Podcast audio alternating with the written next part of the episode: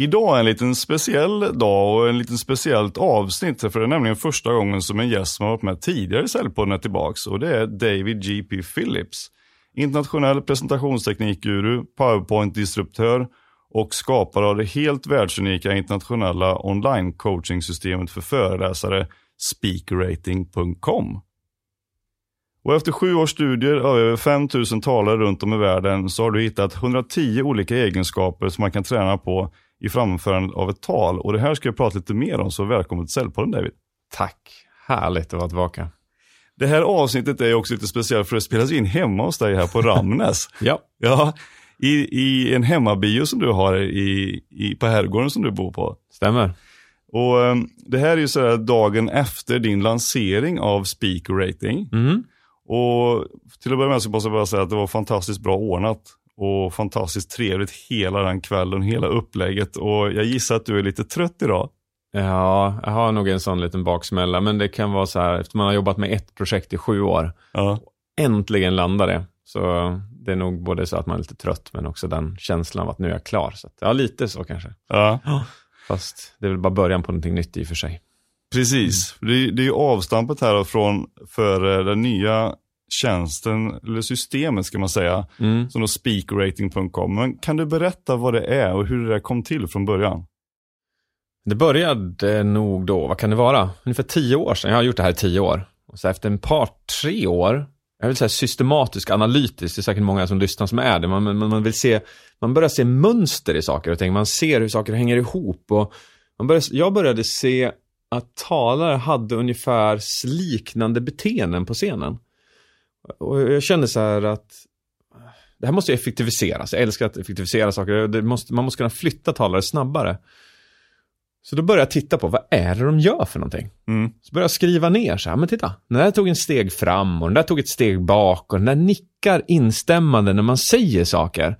Den här spärrar upp ögonen, den lutar huvudet lite lätt på sned för att visa empati. Den står nu på ett höftben för att vara mer avslappnad, nu på två höftben för att visa att den är mera på. Ah, vad spännande, vad spännande, vad spännande. Så skrev jag ner de här och allt eftersom åren gick så försvann vissa, vissa klumpades ihop. Och ungefär sju år så sitter jag till slut med 110 stycken egenskaper. Och nu när jag, när jag betatestat ett tag så kan man verkligen se så här, när en person kommer till mig så kan jag pinpointa exakt vad det är de behöver göra för att öka sin, vad det nu är för någonting, sin presentationsteknik, sin kommunikativa förmåga, att verka mera förtroendeingivande, att vara tydligare. Så är man exakt sådär, sådär. Så det här ser ju inte ni, men nu står jag och tittar på Mattias. Och när han, när, han, när han tittar på mig tillbaka så står han och nickar instämmande i allting som jag säger. Och det här skulle han då få poäng för i en, ett kriterie som heter Amplifying Head Movement. Och det gör att jag är mer benägen att prata med honom eftersom han nickar och då illustrerar att han faktiskt tycker att det är intressant. Mm. Eh, Så ja, till slut så landar man. Det är det där som är resan. Och till slut så blev det ja, 110 stycken och 150 sub-steg faktiskt. Som nu ser ut som periodiska tabellen. Ganska exakt som periodiska tabellen. Just det. Utdelade 110 stycken. Ja, det, är jätte, det har varit en fantastisk resa. Och många har frågat mig hur, så, här, hur mår jag då efter lanseringsfesten? Jag bara, det är, koma nästan.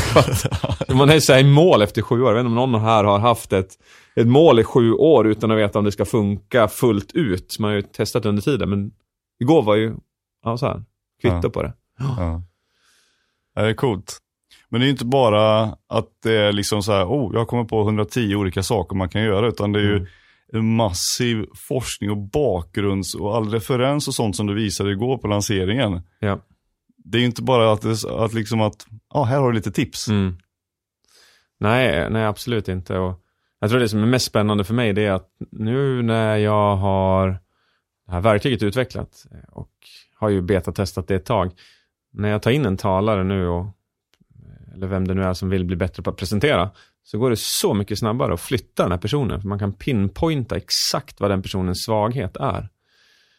Och det har ju, vetenskapligt grundad som jag är så innehåller de allra flesta stegen forskningsreferenser. Och vissa steg är ju verkligen forskade mycket på, så de kan göra mellan 5 och 10, kanske 15 forskningsreferenser till exempel. Mm. Varierar lite. För att vissa steg är ju så små att ingen har någonsin forskat på det lilla steget. Mhm. Ett, ett sånt steg kan vara att du har, när du står och presenterar, att du böjer knäna när du står och presenterar. Så precis när du, när du, när du ska ta i och verkligen så visa att det här är viktigt, så böjer du knäna. Mhm. Och det gör talare när de är engagerade på riktigt. Och genom att härma det beteendet så ökas ju intrycket av att du är engagerad. Det här förutsätter ju att man står upp då och inte sitter ner. Mm. inte så stor effekt då. Just det. Så att om man ska vara, om man tar det som ett exempel då. Om Ja. jag ska liksom förstärka någonting och jag har mina händer utåt och så. Om jag liksom böjer mig lite så här så blir det att jag ännu mer visualiserar det på något Mm. sätt. Ungefär som att man tar språng, om du föreställer dig det. Det är lite svårt att Mm. visa så här på en podd, men tänk dig att du ska ta ett språng och hoppa upp. Den, den energin förmedlar du in och du står och pekar på någonting i powerpointen. Så bara tar du ett litet språng, 3, 4, 5 graders eh, nedvinkling och så trycker du till mot objektet du pekar på. Mm. Så ökar intrycket av att ja, det här, det här är ju viktigt. Så så små detaljer finns det ju inte forskning på. Ja, just det. Utan det är bara någonting som jag har observerat efter att ha studerat 5000 talare. Och tar vi någonting annat då? Vi tar register, eller pitch. Som är hur dovt du pratar, eller hur högt eller pipigt du pratar. Aha. Och på den tror jag det finns minst tio stycken eh, forskningsstudier, eller studier på det, som, eh, som visar på att personer som har ett lågt register har större inflytande, de har eh, större sannolikhet att ha fler vänner, de har fler, fler ehm, partners. Det finns korrelationer med att de har sex tidigare och sex oftare till exempel. Och det spelar ingen roll om det är en kvinna eller man så korrelerar det rakt över. Till exempel Margaret Thatcher gick specialkurser bara för att få ner hennes register. Hon var känd för att man kan lyssna igenom hennes filmer. Så hör man hur registret går ner och går ner, går ner, går ner. Och väldigt medveten handling från henne. Okej. För att skapa sig lite mer trovärdighet och lite mer power i sitt framförande alltså. Helt riktigt. Ja. Ehm, om vi ska titta lite grann på hur det här systemet är uppbyggt då. Mm.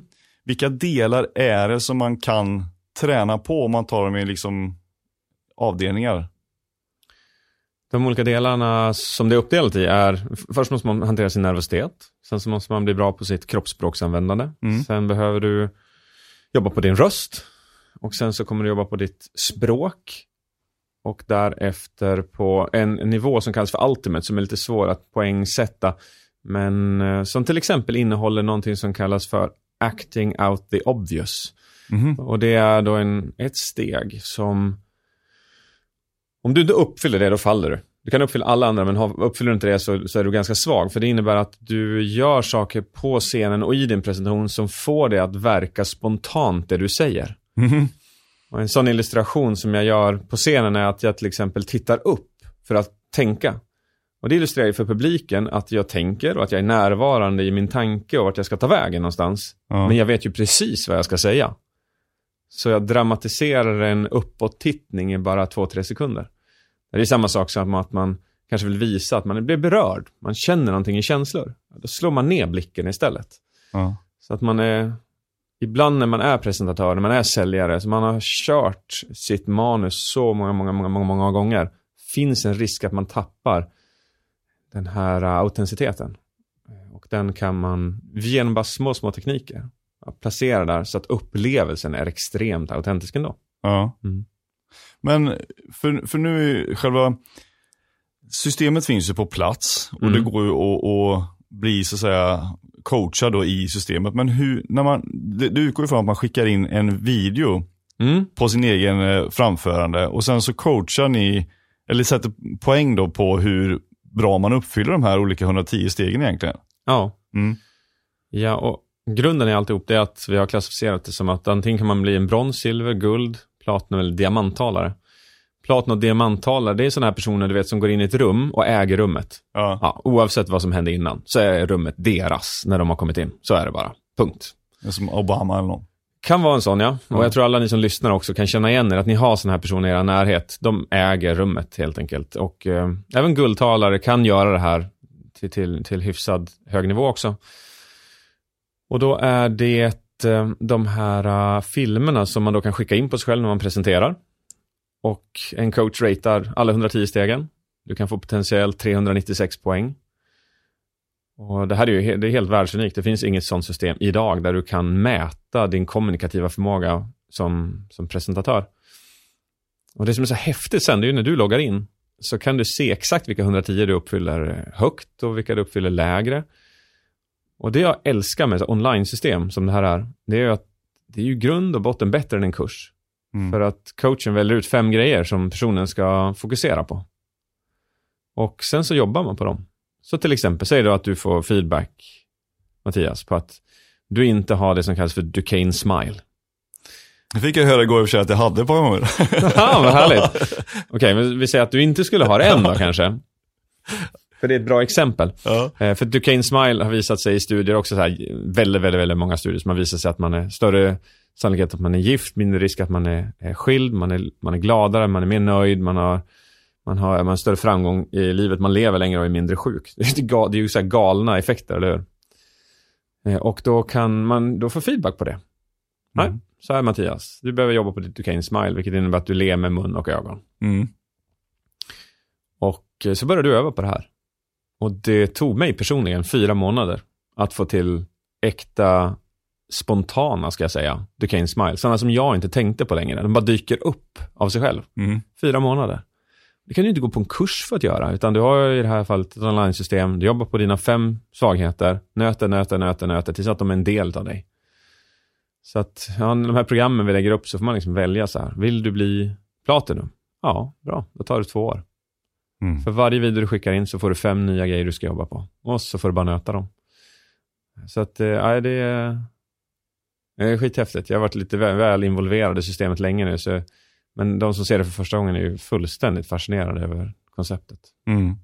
Vi fick ju ganska många exempel igår på eh, hur det kan se ut då om man gör det ena eller om man inte gör det andra. Aha, mm. eh, och jag plockade ut några här från det här systemet då och det var 34, ja. 69, 8 och 21. Just det. Ja, och, och du 24, har dem i huvudet gissar, mm. jag. Ja. Och 24, mm. ja precis. Det där är ju lite av mina favoriter sådär. 34 och 69. Det var inte medvetet valt att det skulle vara det på kroppsspråk, men det bara blev så. Men, eh, och då visar jag på scenen, de här är ju lite svåra att visa över, över en podd så här. Ja. Men ni får föreställa er att, att nummer 34 är en person som går fram på scenen och låser händerna över kroppen. Så att de sätter ihop dem antingen i fikonlövspositionen som det kallas för. Eller så Precis. nästlar de händerna, eller så kör de en Merkel till exempel. och sätter ihop fingertopparna framför sig. Ja. Och alla de här beteendena som vi har när vi låser kroppsspråket är många gånger när vi gör det i början så har din hjärna identifierat att det finns ett hot. Och ju mer du skyddar dig från det hotet, ju större chans har du att överleva. Så som coach, efter att ha verkligen studerat tal efter tal efter tal, så ser man att det här äh, uppträder oftast inledningsvis, ja. när människor är som otryggast. Och du vill ju inte visa att du är otrygg för publiken. Det är ju en rätt, ska säga, en, en dålig signal. Ja. Om det inte är så att du vill spela otrygg, men det är någonting helt annat. Mm. Så det du bör göra är att ha ett öppet kroppsspråk. Bara vara bemötande. Tänk dig en italiensk fotbollsspelare som visar att så här, men jag gjorde inte fel, jag gjorde inte fel, jag filmade inte. Han pratar uppåt sådär. Men ha ett öppet avslappnat kroppsspråk på scenen helt enkelt. Mm. Armarna mm. längs sidorna. Och vill ni där som lyssnar veta hur det känns så kan man ställa sig upp, skicka upp händerna rakt upp i luften, andas in djupt. Och så jag gör det under tiden här nu. Ja, vi gör det. Okay. Ja. ja. Upp med händerna, andas in djupt. Och sen så bara andas ut och släpper ner händerna. Och så skakar du på dem. Så hittar du din naturliga position som mm. du ska stå där framme med. Det som är så fantastiskt det är att vi har lärt oss att ha den här låsta kroppsspråkspositionen, så vi är så bekväma med det. Mm. Men eh, ja, jag hittade en, ungefär åtta stycken variationer som är så jättevanliga. Där man, eh, har, man har Merkel och man har bönen och man kör dubbelkaninen. Då kan vi se det är två händer eh, som hänger framför en så här. Sen har du höger hockeytackling, den är väldigt vanlig i Sverige. Då är ena armen vinklade 90 grader, oftast mot publiken, som ett skydd för att nu smäller det snart. så det här var första steget, 34. Bara ha ett öppet avslappnat kroppsspråk. Ja. Mm. Och sen så var 69 det är att ungefär 60% av alla jag har studerat backar inledningsvis. Och backar när de säger saker som är känsliga, som de kanske inte tror på, Eller som kan vara, som kan vara konfliktskapande. Mm. Och det här igen, så är det instinkt. Vi människor backar för att vår hjärna har identifierat att det finns ett Hot. och ju längre bort du befinner dig från hotet, ju större chans har du att, Överleva. ja. Ja. Och därför så backar man. Och det där är ju helt fel signal. Så när du ska säga någonting du tror på, när du ska inleda din presentation, ta ett steg framåt istället. Och då kan man då visa hur det ser ut när man kör dubbelfel. Då slår man ihop händerna framför sig och man backar samtidigt. Vilket indikerar för publiken att "Pff, du känner dig otrygg. Ja. Men om man tar ett steg fram och öppnar upp kroppsspråket, upplevelsen är helt annorlunda för publiken. Efter att ha testat det här med så många publiker så är de så här nickande, instämmande med storögda ögon. Bara, jädra vilken skillnad. Ja. Och då vill, de, då vill de lyssna på er mycket mer också om man har, man går fram, man tar scenen och, Mm. och om, öppnar upp sig mot dem så att de får Absolut. möjlighet att, att lyssna på en. Ja. Okej, så det var att öppna upp ett eh, anförande genom att använda sig av eh, ett öppet kroppsspråk. Ja. Och 69 då? Mm. 69 ja. Och det är, det här blir en spännande kombination för att eh, när man tittar på talare, vad de gör för någonting i början av sina presentationer, är ungefär 60% backar inledningsvis. Och de backar eller tar ett steg bakåt varje gång de säger någonting som känns kanske otryggt eller konfliktskapande. Mm. Och det där uh, illustrerar ju för publiken att du inte är trygg. Så då är tipset i just 69 är att stå still eller ta ett steg fram för att illustrera att du är trygg. Din hjärna vill inte göra det. För din hjärna har identifierat att det finns ett hot. Och ju längre bort du befinner dig från hotet, ju större chans är att du överlever. Mm. Så att den vill ju att du ska fly. Men det ska du ju inte göra. Utan du ska ju bara samla din trygghet där på scenen. Mm. Och det roligaste är när de här händer, när de händer tillsammans, 34 och 69. För då kan man se en person går in så här och så slår de ihop händerna och så backar de. Och det skapar en jättekonstig kombination. Mm. Men om den personen bara gör tvärtom, ett steg, två eller tre steg fram, öppnar upp händerna och armarna. Så varje gång jag exemplifierar det här för publiker så ser man hur de så här storögt tittar och, och verkligen så här bekräftar skillnaden på den där lilla, lilla egenskapen. Och det här riktar sig mycket åt sälj, det du gör, och ibland Mm. så är sälj stående, ibland är sälj sittande. Mm. Men du kan ju föreställa dig själv att du är vid ett bord och så, så ska du säga någonting till kunden som ska vara tryggt och, och positivt. Och så, samtidigt så lutar du dig tillbaka och lägger armarna i kors. Det, det finns ju ingen logisk, eh, förnuftig person som gör så. Nej. Men instinkt kan få oss att bete oss på det sättet. Så att det här kan appliceras stående som sittandes. Just det. Det är bara att rörelserna är mindre när man sitter. Mm. Mm. Så det är 3469, mina favoriter i kroppsspråk. Just det. Mm. Om vi går vidare då till det som är, eh, som, som är nummer åtta här då. Ja, mm. Och vad innebär den? Den är också jättespännande. Den är... Det är nästan bättre att jag ger ett exempel på den. Ja, Mm, är det okej? ja då.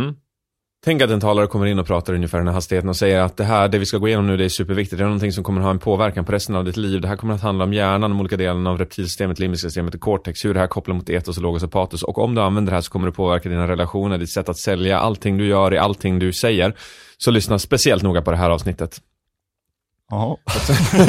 Så jämför det med en talare som kommer in och säger så här. Mina vänner, det jag nu ska förmedla är urtråkigt. Det finns ingenting i det jag kommer att säga nu som har något som helst värde för dig och det är ingenting du någonsin, någonsin kommer att ha nytta utav. Och varenda sekund nu och framåt är bortkastad tid. Så är det så kul att köra där på scenen. Då ser man Första gången man kör snabbt, då har man kanske 500 pers som ser lite så disorienterade ut. Ja. Ja, de är inte så fokuserade. Och sen så drar jag andra exemplet när jag pratar långsamt. Då ser man hur 500 personer så här, igen, storögt bara fokuserar och tittar på det här jag gör. Och sen när man landar där så säger man så här. Kolla! Det är ju det där andra ni vill ha. Det där uh, fullständigt värdelösa. Det som inte har något syfte alls i ert liv. Det ser jag ju på er.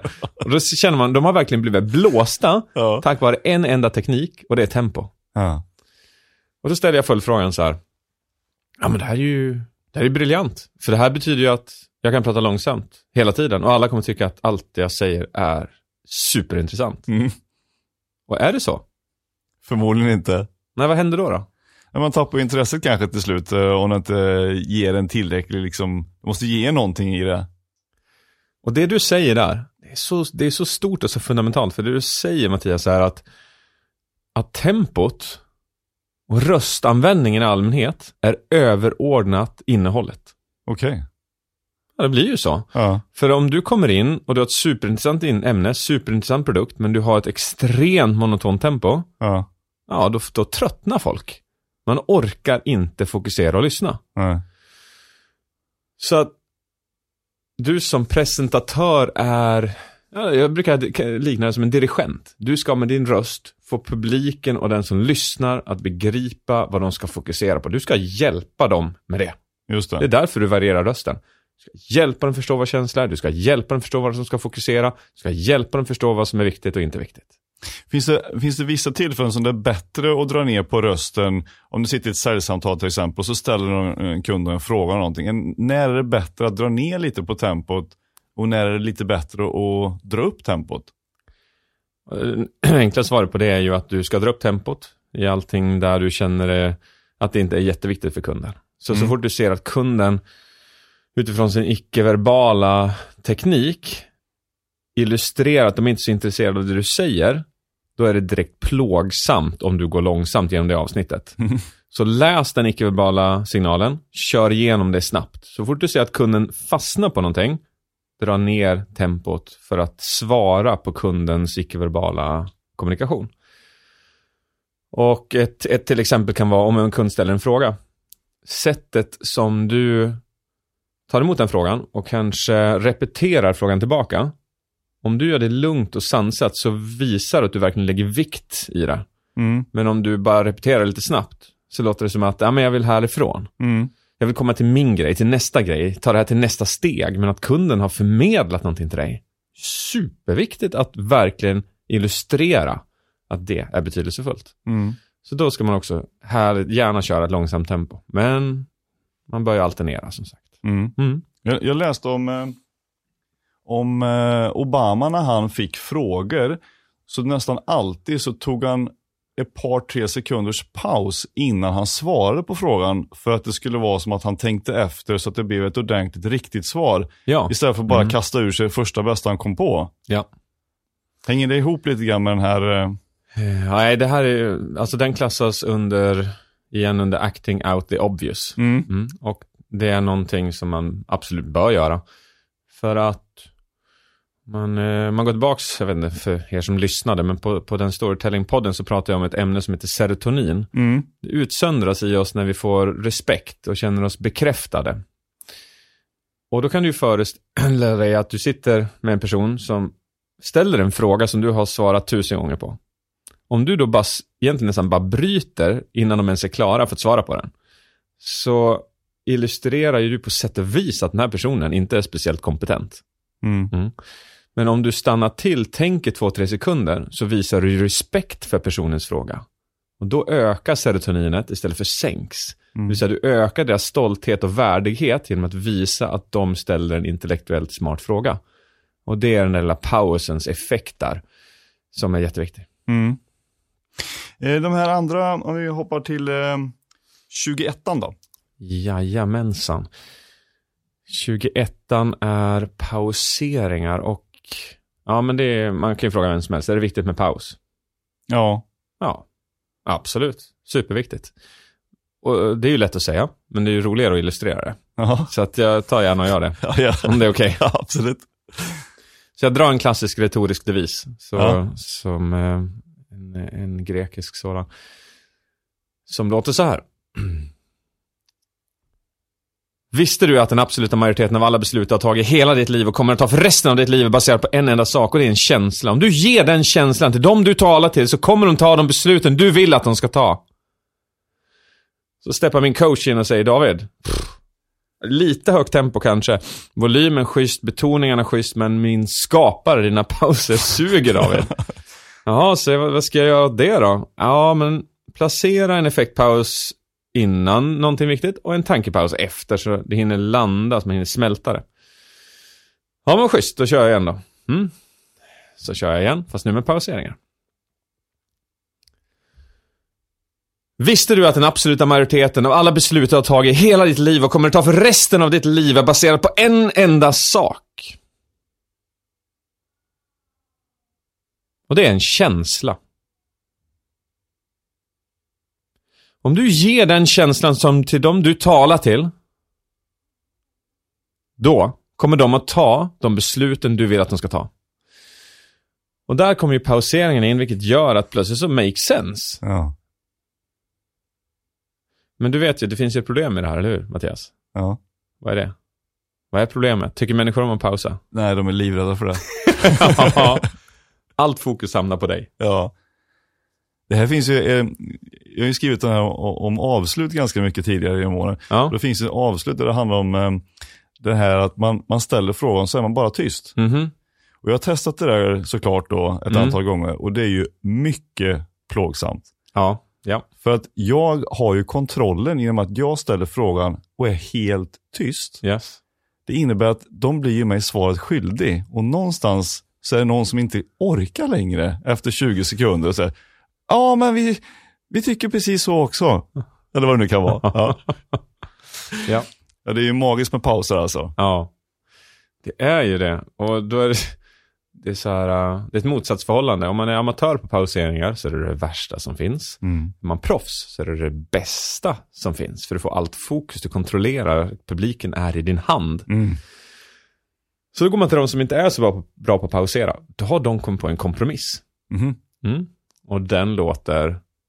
Eh, eh, eh, ah, eh. Det är så här mellanljud. Så det är som att man går i så svenska kontorsmiljöer, öppna landskap, så kan det vara som att det är så en bräkande får över hela landskapet. Ja, det är så roligt att lyssna på. Och då skulle jag vilja, det här, det här är ju ett fantastiskt podd för just det här tipset, för att om du frågar dig själv, när är jag? När skulle du är Mattias? Det är nog mest när man inte riktigt vet vad man ska säga.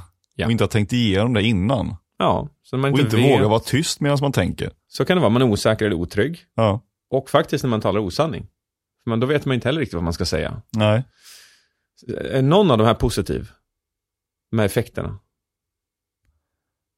Ehm, Um, svaret är nej. Man vill ju inte illustrera att man är otrygg, osäker, att man ljuger, att man inte vet vad man ska säga. nej. Så föreställ dig så här. När du är, så är det upplevelsen du skapar hos den som lyssnar. Det finns en stor risk att upplevelsen du skapar är att du känns eller upplevs som otrygg, osäker eller att du talar osanning. Mm. Och för att ge ett exempel hur det låter, för det låter ju fruktansvärt också. Så tar jag samma devis igen. Visste du att den absoluta majoriteten av alla beslut du har tagit i hela ditt liv och kommer att ta för resten av ditt liv är baserat på en enda sak? Uh... och det är en känsla. Uh... om du ger den känslan till de som lyssnar på dig, uh... då kommer de ta den besluten du vill att de ska ta. Nu är det ju viss överdrift, men det är ändå som så att om en person har någon anledning att haka upp sig på någonting som du gör, så kommer de att irritera sig reta sig på det och det kommer att försämra din kommunikativa förmåga. Mm. Och helt ärligt, när en person kommer till mig och säger så här, jag vill bli bättre på att presentera. Jag vill bli bättre på att kommunicera. Utav alla de här 110 stegen, det är många, Mm. så är att ta bort mellanljud det första jag ger mig på. Okej. För jag vet att det har en sån effekt på 10-15 andra steg, omedelbart. Just det. Mm. Jag minns hur det var när man var, gick i skolan eller på universitetet. Och det var föreläsare som ofta hade, ehm, eller liksom, Just det. Mm. eller någonting annat så här på slutet av, av, då satt man egentligen till slut och bara lyssnade på de där liksom, Ja, liksom, liksom. ja. Och gjorde någon form av eh, bingo på det där till slut. det är elakt. Men det är så sant. Ja, Det är så sant. Tänk dig att hjärnan tycker att det är roligare att räkna liksom än att lyssna på det som sägs. ja, Ja, det är värt att passa sig för. Så för er som lyssnar, om ni har med mellanljud. Ger på dem. Ta bort dem. Ja. Det är... Det är inte okej. Någon, någon där ute kanske säger så här, men det finns det ingen funktion? Jo, det finns en funktion med mellanljud. Och det är igen, act out the obvious. Mm. Så man kan använda mellanljud medvetet för att illustrera att man tänker. Hur, hur kan det låta då? Det kan vara som så att du och jag har en dialog. Och sen så ställer du en riktigt så här lurig fråga till mig. Och då kan jag köra en sån här, ja, eh. och så tittar jag ju snett upp i taket när jag gör det. Mm. Och ser bekymrad ut i ansiktsuttrycket. Och sen så säger jag vad svaret är. Mm. Och det är acting out the obvious. Ett litet lätt ä, en liten bortblick, ett ansiktsuttryck som stämmer överens. Då ökar det värdet av det jag säger, att det verkar autentiskt. Just det. Mm. Vad är det mer förutom själva äandet då, när någon skickar in sin video så här första gången? Ja. För det blir ju så himla tydligt, alla de här ödemarkarna eller Mhm. äandet och sådär. Vad är det näst vanligaste problemet att folk har när man börjar titta på videosarna sådär och analysera? Vet du vad, det är, det är ju... Ja, men det är ju det vi har gått... Vi har gått eh, igenom. Det du har frågat mig är ju de här tipsen som jag tycker är de mest primära. Det jag ser oftast, det är ha ett öppet kroppsspråk, undvik att backa. Mm. Tänk på tempot, det måste varieras. Mm. Pauseringarna, jätteviktiga. Men viktigast av allt av de här är just mellanljudet. Så när en video kommer in så är det oftast de här som är väldigt, väldigt vanliga. Mm. Men det kan vara väldigt individuellt. I och med att det är 110 stycken så, så skiljer det sig väldigt mycket på personer. Mm. Ja. Um, um. Kom den ändå?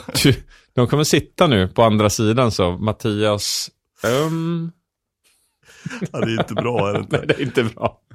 Om vi tänker då att man som säljare då skulle kunna applicera det här systemet på sina egna säljpresentationer. Ja. Vad tänker du att man börjar någonstans då? För att en föreläsare är kanske mer van att stå på scen på ett annat sätt än vad man som säljare kanske oftast är. Att man, det kanske bara är en person man träffar. Just det, ja. Och det, och det där Det där är ett av de största missförstånden Mhm. när det kommer till presentationsteknik. Och det är att man tror att det sker på en scen. Man tror att det sker inför många människor. Mm. Men det är vad presentationsteknik är, är varenda gång, när som helst som du öppnar munnen för att kommunicera med någon under dina vardagliga händelser. Det är vid kaffeautomaten. Det är med barnen. Det är med busschauffören.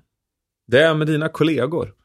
Alla de här situationerna kan du öva på att ta bort mellanljudet. Du kan öva på ett Duquesne smile. Mm. Du kan öva och gå in i en konversation och testa tempoförändringar, se vad som förändras. Du kan öva allt det här jämt och ständigt när som helst. Och igen så blir det styrkan i det här online-systemet. Du får fem grejer. Öva, öva, öva i din vardagliga tid. Hela tiden. Bli bättre. När de här fem sitter i ryggraden. Fem till. Så bygger du successivt en människa på det här sättet. Och det är, eh, ja, det, det är svårslaget. Att, att just kunna få göra så. Mm. Och växa på det sättet. Upplever du att det är många säljare som hör av sig då? Och vill ha hjälp med den här typen av problem? Som de många gånger har. Det har jag ju själv sett på ett antal gånger. Absolut. Min upplevelse är att det ökar jättemycket de här sista åren. Jag vet inte, rätta mig om jag har fel, men det känns som att produkter och tjänster blir mer och mer lika. Mm. Och sättet att sticka ut, det är att kommunicera det på ett annat sätt, på ett bättre sätt. Mm. Därför storytelling tar fart. Det är därför sån här äh, teknik tar fart. Och jag har, jag har en idé, jag är inte riktigt eh, där med att lansera den förlängningen av den här produkten, men jag tror jag ska, den ska försöka släppas någonstans under våren. Och det är att man kan ta sina hundra säljare och så kan man mäta allihopa i det här systemet och se att vi, vi, vissa är brons, vissa är silver, vissa är guld. Då vet man att ja, men då får man göra insatser på alla de som till exempel brons eller inte ens lyckades få någon, någon akkreditering. Nej. Jag tror det blir häftigt, för jag tror att det är första, och ni får gärna rätta mig om jag har fel, om det är någon som lyssnar på det här också så här. Jag tror att det är första gången i världshistorien som det finns ett kommunikativt objektivt system som kan mäta prestationen hos en, en säljare utifrån hur de presenterar någonting. Just det. Mm. Men finns, det- kan det finnas en bias i er att ja, men jag tyckte att det var ganska bra men du tyckte det inte var så bra? Fast man är liksom, nu har ni certifierat er allihopa, era coacher, men Kan det finnas en sån bias i den då, beroende på hur man är själv till exempel? Du tänker när man ratear eller? Mm. Nej, det gör det inte, utan alla de här poängsättningarna är satta efter hur den här personen kommunicerar ja, utifrån de vetenskapliga studierna som finns på det området. Mm. Och det finns faktiskt ett undantag i det här, det är att eh, vi är ju tio coacher nu som börjar. Och då har vi alla en passknapp. Så att om det är någon som skickar in en film som, vi, som man har emotioner för, känslor, Mm. så såg vi att det fanns avvikelse på mellan 0,4 till 0,9, vilket inte är okej. Eh, Och då får man passa. Så då skickar man den vidare till nästa coach, som då inte har några känslomässiga band till den här personen. Mm. Och då blir, eh, då blir ratingen närmare det den ska bli. Mm. Så det kan inte vara så att om någon som är superbra talare eh, och man vet redan från början att de är det Mm. och att man kan bli lite bias i att men jag tycker att han är bra från början. Ja. Absolut, det påverkar definitivt. Så att det är jätteviktigt att den passknappen finns. Så coacherna kommer från flera olika intresseområden och bakgrunder. Så att det är väldigt så här, äh, strategiskt valt utifrån att det inte ska hända. Just det. För att när vi pratade sist så, så pratade vi lite grann om det här med powerpoint-presentationer också. Ja, det gjorde vi nog ja. Mm. Eh, och eh, jag tänker då säga om powerpoint att alla har ju det, Ja. mer eller mindre med sig ut Ja. någonstans. Mm. Eller man sitter och knoppar ihop sånt till någon presentation. Men ska man börja med powerpointen eller ska man börja med sig själv och steget framför den innan man använder powerpointen som någon form av, som många gör, talmanus, vilket man helst kanske då bör undvika. Ja. Ja, gud ja. Det bör man undvika på alla sätt och vis. Du, det här svaret tror jag, det, det, det förutsätter nästan att du som sitter och lyssnar har en papper och penna. För jag kan ge dig ett grymt bra svar på det här. Mm. Mm. Och det kallas för en retorisk psykologiskt optimerad struktur. Mhm. Nummer ett eh, kallas för artighetsfras. Det vill säga du säger hej och välkommen eller vad du nu inleder med. Nummer två är att du har ett respektavsnitt. Och det här är innan du ens har slagit på powerpointen. Respektavsnittet innebär att den du talar till, den gruppen du talar till, du ger respekt till den personen för någonting de är, någonting de har tänkt, någon gemensam nämnare, du hittar common ground. Du hyllar dem på något sätt, du bygger det här serotoninet i dem. Mm. Så ökar chansen att de kommer gilla dig. Steg tre är att du kickar igång det som kallas för en intresseväckare. Du måste bryta deras tankemönster. Från ett tidigare möte, en tidigare telefonsamtal, vart de nu är någonstans i hu- huvudet. Måste du bryta det genom en intresseväckare. Det måste ju vara någonting starkt då. Någonting som så här, oj, det här vill jag lyssna på. Mm. Schysst siffra, statistik, vi kan spara 8%, vi kan öka med 12% inom två månader. Så här, wow, det här vill jag höra. Mm. Och eh, steg nummer fyra är då ämne och agenda. Så när man har väckt intresset så kan man landa i att och därför så kommer vi nu att fokusera på att presentera den här produkten eller den här tjänsten. Mm. Och vill man sen har man steg fem som är why, det kända varföret. Och där definierar man vad, vad, vad är varföret för dem? Varför ska de lyssna? Vad kommer hända innan den här presentationen är klar? Kan vara till exempel att när, om 30 minuter när vi är klara här så, så ska du vara helst helt införstådd med hur det här fungerar. Och jag hoppas också att vi kan hitta ett utrymme för att boka till möte till exempel. Mm. Vet du vad som kommer på plats nummer sex? Att bygga sitt etos som det kallas för. Där får du chansen att pitcha vem du är, vem, vilket ditt bolag är. Pitcha när det grundades, hur många ni är, varför ni är så grymma. Mm. De flesta kör ju det först. Ja. Och det som är så galet med det, det är att den kunden har inget intresse överhuvudtaget att veta vem du är. Nej. Inget. Men om du landar intresseväckaren, landar varföret, då vill de veta vem du är. Just det. Och någonstans i det här läget så går du fram till din powerpoint och slår på. Men du, så du har en hyfsat psykologisk process som du bör beta av innan. Mm. Mm. Men om det finns sådana här liksom relativt enkla men fullständigt briljanta tips, varför Mm. tror du att man inte implementerar det i sina organisationer? När man ska ha en presentation. För Ja, det, det, det är ju inte så att det här uppstår särskilt ofta, utan det brukar vara så här, hej jag heter, jag kommer från, idag ska jag prata om. ja. Och Det finns säkert många svar på den, men jag tror ett väldigt vanligt idag det är att presentationer produceras på corporate level, marknadsavdelning. Mm. skickas ut till säljarna för att få någon form av likställdhet genom alla, så att alla presenterar och pitchar ungefär samma sak. Mm. Och då får man den här powerpointen. Och då är det ju enkelt att bara play, kör.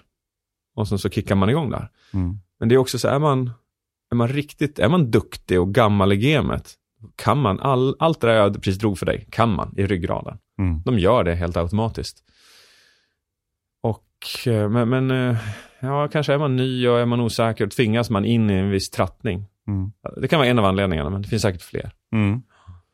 Jag tänker att säljare är kanske inte det enda eh, yrket som borde ha nytta av sån här form av speaker rating, att man får svart på vitt att det här behöver man träna på. Jag tänker som, jag menar, det kan vara corporate leaders då, men även till exempel lärare, Mm. eh, för att eh, få väcka intresset hos eleverna dag ut och dag in för varje eh, liksom, lektion. Mm. Ja, det har, absolut, håller med, fullständigt. Det är, det är min dröm, min vision, är att det som speaker rating genererar och skapar förutsättningar för ska kunna också bli en produkt som man kan ge till lärare till mycket lägre peng. Just det. Mm, för att ge dem bättre förutsättningar till att fånga eleverna, för det är en sån konkurrens om ja, det som kallas för dopamin, motivationshormonet. Hvis Eleverna attention span och behov av att bli stimulerade är helt annorlunda nu än vad det var för fem år sedan, tio år sedan, 15, 20 år sedan. Mm. Så du som lärare har mycket högre krav på dig att bibehålla deras uppmärksamhet. Mm. Med teknik kan du göra det. Variera rösten och volymen, betoningen. Jag undrar varför inte lärarhögskolan eh, anammar den här typen. Jag är ju själv utbildad lärare från början för Mm. över 20 år sedan. Det var ju inte, inte en minut av sån här eh, diskussion någonsin. Nej, jag vet inte. Jag tycker faktiskt det är läskigt. Jag har, jag har sådana som har gått lärarhögskolan, som går mina kurser och säger, jag lärde mig mer tekniker på hur jag skapar uppmärksamhet hos mina elever på två dagar än vad jag gjorde på tre år. Ja. Det är läskigt. Vem det än är som ansvarar för det, om du lyssnar så slå en signal så kan jag jättegärna bygga in en modul i lärarhögskolan. ja. Ja, jag bjuder på det. ja, underbart. Du, jag, jag gav ju dig ett tips också förra podden, jag vet inte om du minns det? Mm. Angående din eh, bok How to avoid death by, Power- by PowerPoint. Okej. Mm. Kommer du ihåg att jag sa att det där borde ju ligga i varenda datorlåda som eh, skickas ut på nya datorer? Ja, ja, just det, det gjorde jag. Har Ja. du pitchat in den Har- idén eller? Jag har inte kommit någon längre med den frågan faktiskt. Alltså, nej. Nej, speaker rating har varit eh, så här, uh, mitt absoluta extremfokus. Tunnelscenen nästan i ett år nu. Mm. Det är coolt att den är lanserad nu och att det finns möjlighet att kunna gå in på spe- speakerrating.com, skicka in en video och få den av certifierade coacher helt och hållet eh, eh, bedömd av vad man kan göra bättre i sina presentationer. Ja, ja, det blir jättespännande. Jag är väldigt, väldigt glad att, att det är klart. Jag är väldigt Ja. stolt. Jag tror att det verkar som att det blir världens mest avancerade coachningsverktyg. Så att, ja, ja. Kul att se vad som händer. Ja. Mm. Om du då, med tanke på systemet då och, och eh, bakgrunden och hur det är uppbyggt och alla de här teknikerna som finns. Skulle du kunna höra spontant sätta upp en kort historia då om varför man ska lyssna på det här avsnittet? Om det skulle liksom, om du skulle Mm. presentera det. Ja. Det kommer lite plötsligt nu men. Eh, rumba. Vi skulle kunna, alltså det har ju mycket med innehåll att göra, mycket med content att göra i det. Men det skulle låta någonting i stil, jag skulle hålla ganska lå- långsamt tempo, lägga mycket betoningar, ha ganska lågt register. Och ja, vi provar. Vi får Mm. se. Mm. Okej. Mm.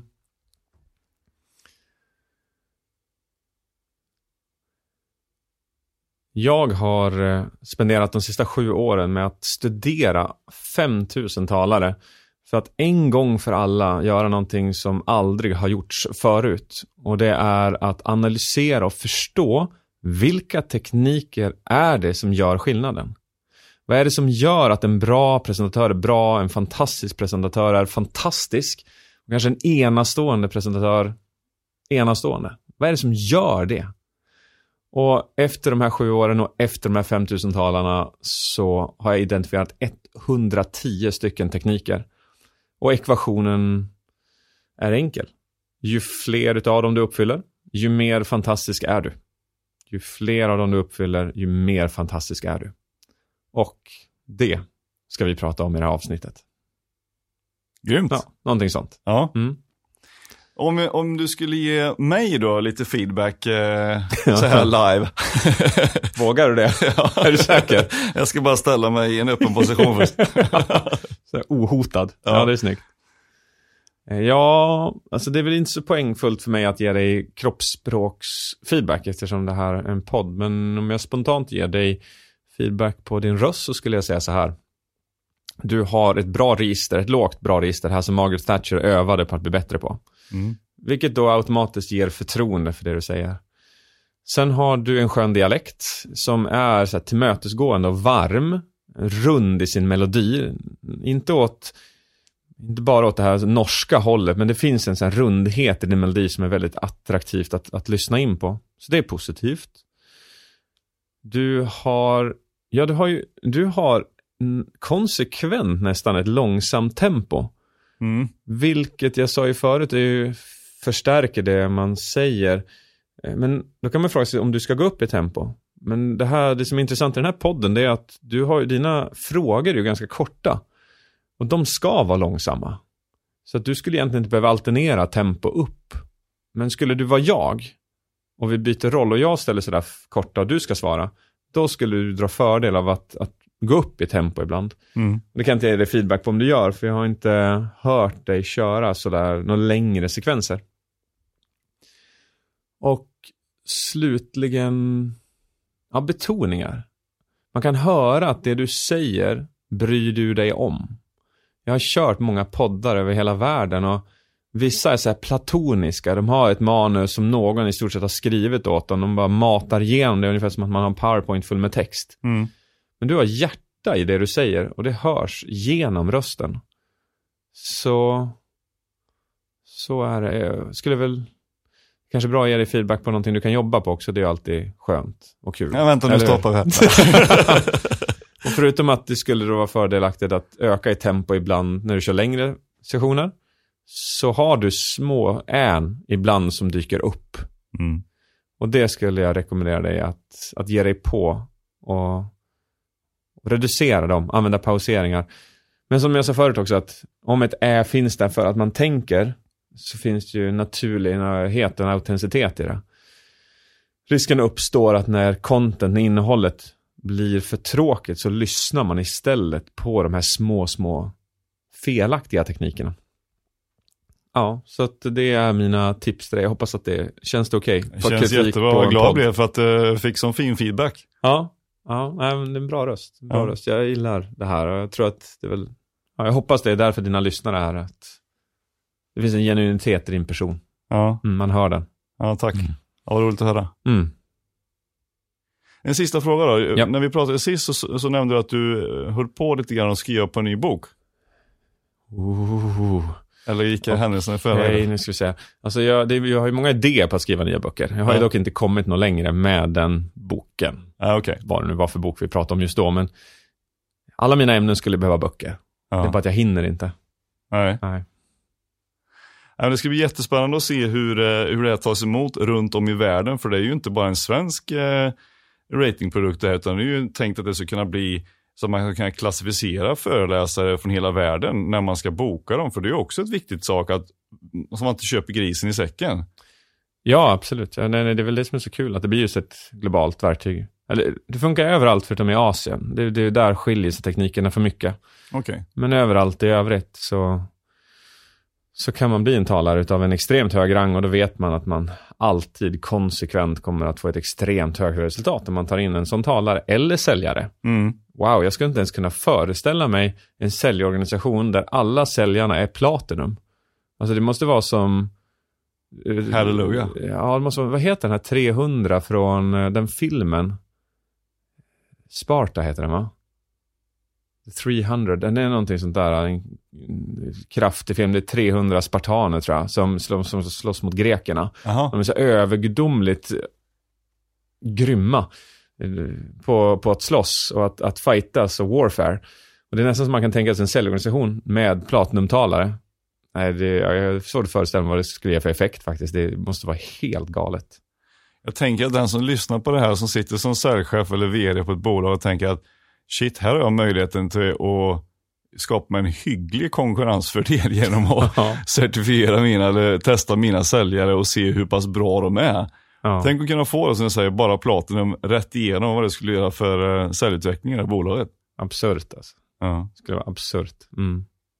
Ja, jag får tipsa om att gå in på speakerrating.com och eh, börja ladda upp sina videos helt enkelt för att se eh, och få eh, sin första rating och sen därefter börja jobba. Absolut, det, det, ja, absolut. Gud, ja, vi är är öppna för det nu, nu när vi kör igång.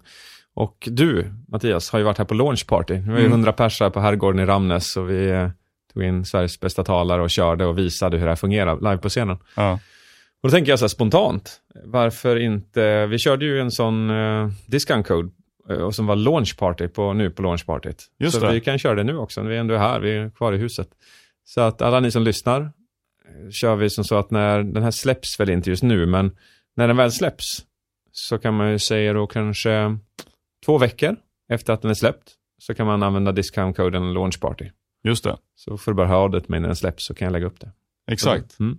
Och då säger jag till er som lyssnar, missa inte den här chansen. Mm. För att få en av världens bästa presentationsteknik-gurus som coach och testa och, eh, vad du är duktig du är på att föreläsa och presentera. Missa inte det. Eh, Nej. Ja, men superstort tack då för att du tog dig tid. Och så här efter, dagen efter och, och spela in en podd också. Ja, ja, jag hoppas att inte jag låter allt för knorrig på rösten. Det har varit mycket pratande i många, många timmar nu. Ja. Men det var jättehärligt. Du är alltid underbar att ha. Tack för alla dina fantastiska frågor, Mattias. Tack så mycket. Mm, tack. Och lycka till med speaker rating. tack, tack, Tack. tack, tack, tack, tack.